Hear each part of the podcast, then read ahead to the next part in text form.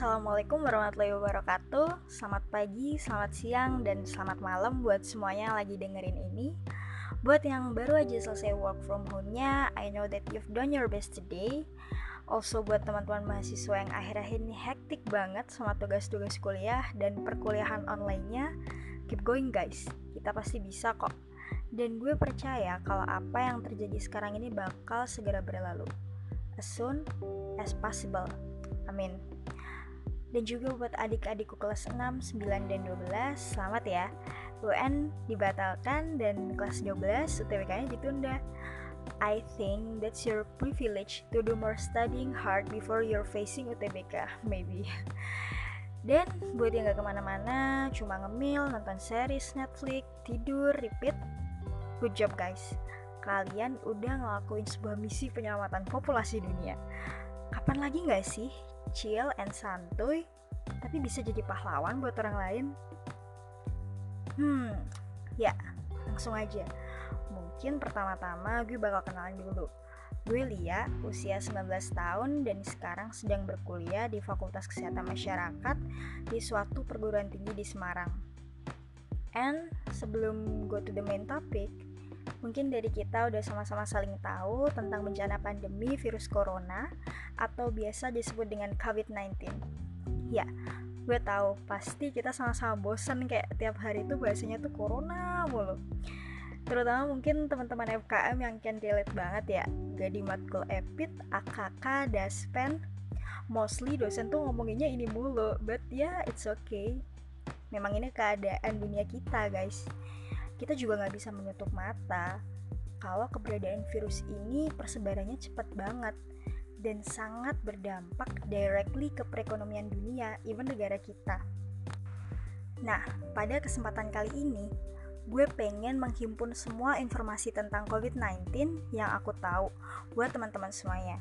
Dan hal-hal yang bakal gue breakdown nantinya itu seputar pertama apa itu virus corona, kemudian gejalanya, penyebabnya, mekanisme kerja virus corona pada tubuh, bagaimana transmisi atau penyebarannya, cara mencegah, dan uh, mungkin ada tips-tips dari WHO juga untuk pencegahannya ya.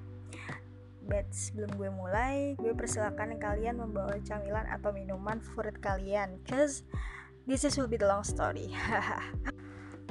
Oke, okay. first thing first, apa itu virus corona? Jadi menurut uh, website Halodoc yang ditinjau oleh Dr. Rizal Fadli, virus corona itu merupakan keluarga besar virus yang menyebabkan infeksi saluran pernapasan ringan hingga sedang seperti penyakit flu. Dan sampai saat ini tuh udah ada 7 jenis coronavirus yang telah diidentifikasi. Di antaranya uh, itu pernah mewabah ya guys di dunia. Itu ada SARS, MERS, dan juga yang mewabah sekarang ini yaitu COVID-19. Uh, also, menurut Alo Dokter, Severe Acute Respiratory Syndrome Coronavirus 2 atau SARS-CoV-2 yang lebih dikenal dengan nama virus corona adalah jenis baru dari coronavirus yang menular ke manusia virus ini tuh nggak pandang bulu guys. Dia bisa menyerang siapa aja. Bisa bayi anak-anak orang dewasa lansia ibu hamil maupun ibu menyusui. So kita harus uh, menjaga anggota keluarga kita yang memiliki kerentanan uh, yang leb, uh, yang lebih riskan guys. Kayak misal anak-anak uh, lansia gitu ibu hamil gitu Nah, virus uh, corona ini tuh pertama kali ditemukan di kota Wuhan, Cina pada akhir Desember 2019, guys. Virus ini menular dengan cepat dan telah menyebar ke wilayah lain di Cina dan ke beberapa negara termasuk Indonesia. Nah, kalau misal kita flashback dikit nih guys, uh, uh, virus corona ini kan mewabah di Cina tuh kalau nggak salah uh, akhir Desember sampai awal Januari ya guys ya dan sekarang uh, kurang lebih dua setengah bulan itu udah sampai ke Indonesia nih guys. Berarti kan emang penyebarannya tuh cepet banget. Nah Coronavirus adalah kumpulan virus yang bisa menginfeksi sistem pernafasan. Jadi uh, coronavirus itu ada banyak macamnya guys, seperti yang udah aku sebutin tadi ada tujuh macam. Uh, pada banyak kasus virus ini hanya menyebabkan infeksi pernapasan ringan seperti flu, tapi virus ini juga bisa menyebabkan infeksi pernapasan berat seperti infeksi paru-paru atau biasa dikenal dengan pneumonia Middle East Respiratory Syndrome atau MERS dan Severe Acute Respiratory Syndrome atau SARS. Nah, berdasarkan sumber dari lipid.go.id, coronavirus ini sebenarnya udah pernah ditemukan oleh ilmuwan pada tahun 1965, guys. Virus ini tuh diisolasi dari cairan hidung seorang anak yang menampakkan gejala pilek atau biasa dikenal dengan common cold.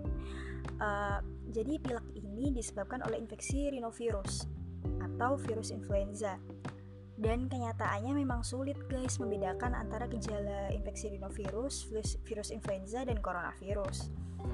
Nah, uh, virus uh, corona ini berdiameter sekitar 100 sampai 120 nanomikron.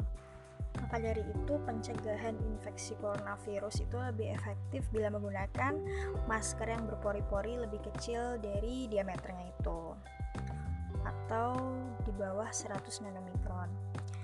Kemudian gejalanya.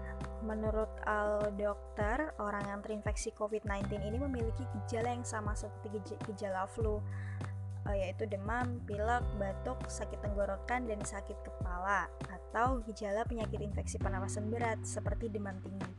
Nah, for information nih guys, uh, untuk uh, suhu tubuh itu normalnya 36,5 sampai 37,5 ya kemudian batuk berdahak, bahkan berdarah, sesak nafas, dan nyeri dada. Nah, tapi perlu ditegaskan juga beberapa virus corona bisa menyebabkan gejala yang parah. Infeksinya bisa berubah menjadi bronkitis dan pneumonia yang disebabkan oleh virus COVID-19 ini tadi. Gejalanya itu uh, seperti demam yang mungkin cukup tinggi. Kalau misal pasiennya itu dia udah mengidap pneumonia terlebih dahulu, kemudian batuk dengan lendir, sesak nafas, dan juga nyeri dada atau sesak saat bernapas dan batuk. Infeksi ini bisa semakin parah bila menyerang kelompok individu tertentu. Contohnya um, orang-orang yang memiliki kerentanan tinggi, guys. Kayak misalnya tuh uh, orang yang memiliki sistem kekebalan yang lemah, bayi dan lansia. Gejala COVID-19 ini muncul dalam waktu dua hari sampai dua minggu setelah terpapar virus corona, guys. Nah, kalau misal nih ada seorang yang habis melakukan bepergian dari daerah yang terpapar corona dan berpotensi terkena, namun tidak mengalami gejala apa pun, orang tersebut tidak perlu pergi ke rumah sakit dulu nih guys untuk memeriksakan diri. Cukup di rumah aja, isolasi diri selama 14 hari dan membatasi kontak dengan orang lain. Tujuannya kenapa? Supaya kita tahu kita tuh telah terpapar atau atau belum berdasarkan gejala yang mungkin kita rasakan di masa inkubasi tersebut yaitu selama um, 14 hari itu tadi.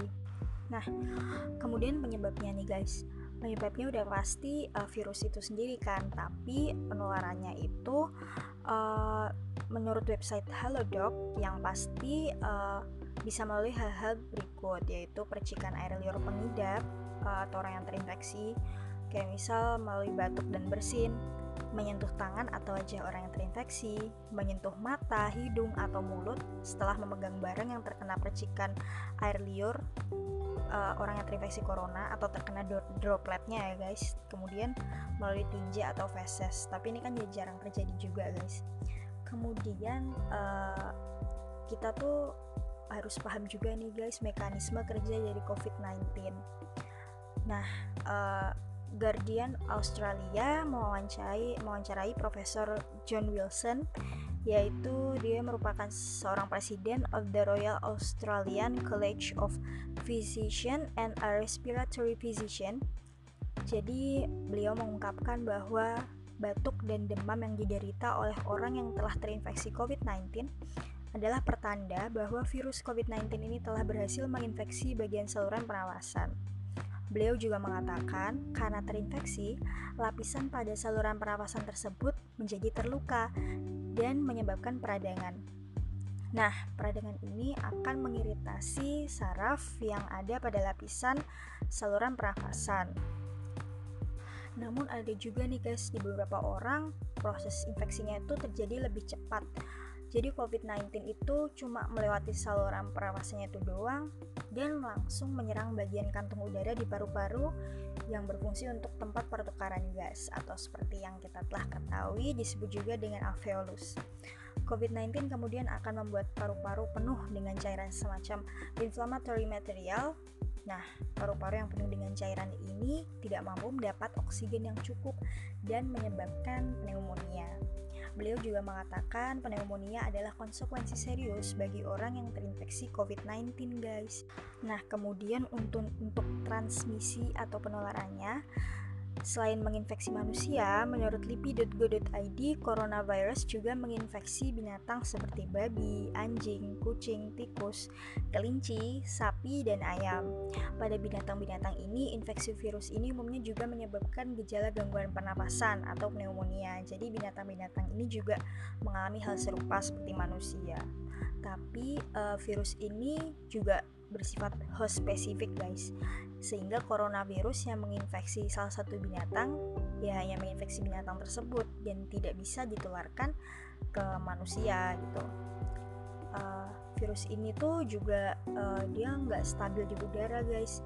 Dia hanya mampu hidup selama 3 jam sehingga kecil sekali kemungkinan penularan lewat udara kemungkinan besar penularan virus ini lewat bersin atau batuk dari orang yang terinfeksi kepada orang yang dekat dengannya jadi kan akhir-akhir ini kayak uh, pada heboh tuh kan uh, sebenarnya uh, coronavirus tuh bisa nggak sih uh, penularannya lewat airborne Nah, um, jadi berdasarkan sumber dari lipid.go.id ini tadi udah menjawab ya guys kalau um, kemungkinannya sangat kecil guys. Uh, tetap risiko terbesarnya itu penularan tuh lewat droplet.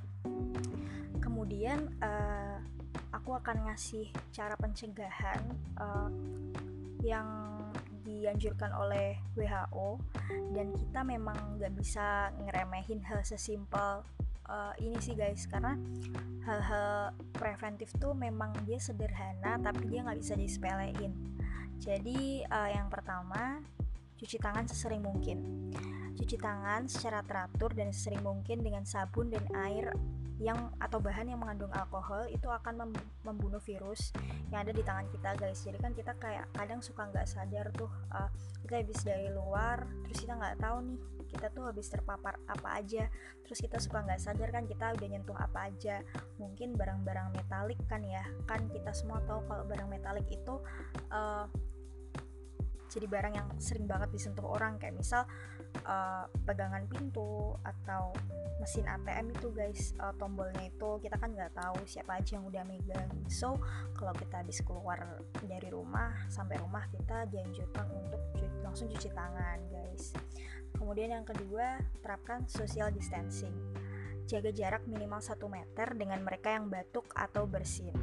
Kenapa? Karena ketika seorang batuk atau bersin, mereka menyemprotkan tetesan cairan kecil dari hidung atau mulut mereka yang mungkin mengandung virus.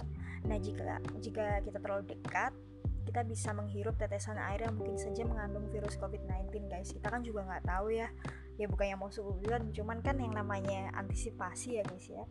Kemudian hindari menyentuh mata, hidung dan mulut.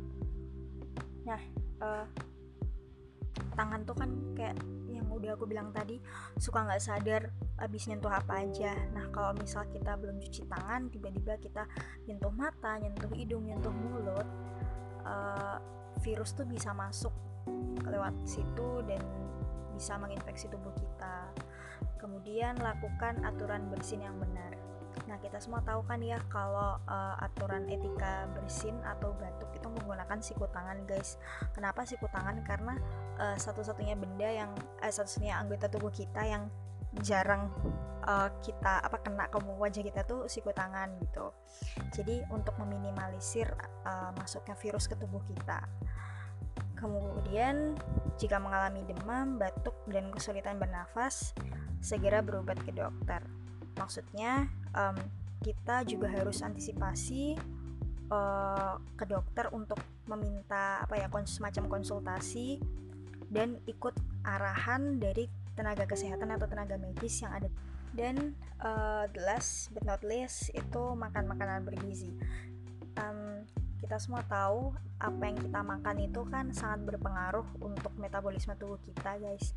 Nah alangkah baiknya kita uh, makan makanan yang bergizi supaya uh, meningkatkan sistem imun yang ada dalam tubuh kita. Supaya kalau misal terjadi hal-hal yang tidak diinginkan sistem imun kita tuh sudah siap untuk melawan virus yang ada di yang masuk ke dalam tubuh kita. Nah jadi itu aja mungkin guys. Uh, ya semoga kita selalu terhindar dari hal yang tidak diinginkan dan semoga kita semua sehat selalu. Dan semangat buat semuanya. Aku tahu ini susah dan jangan lupa untuk selalu di rumah aja. Semangat guys. Wassalamualaikum warahmatullahi wabarakatuh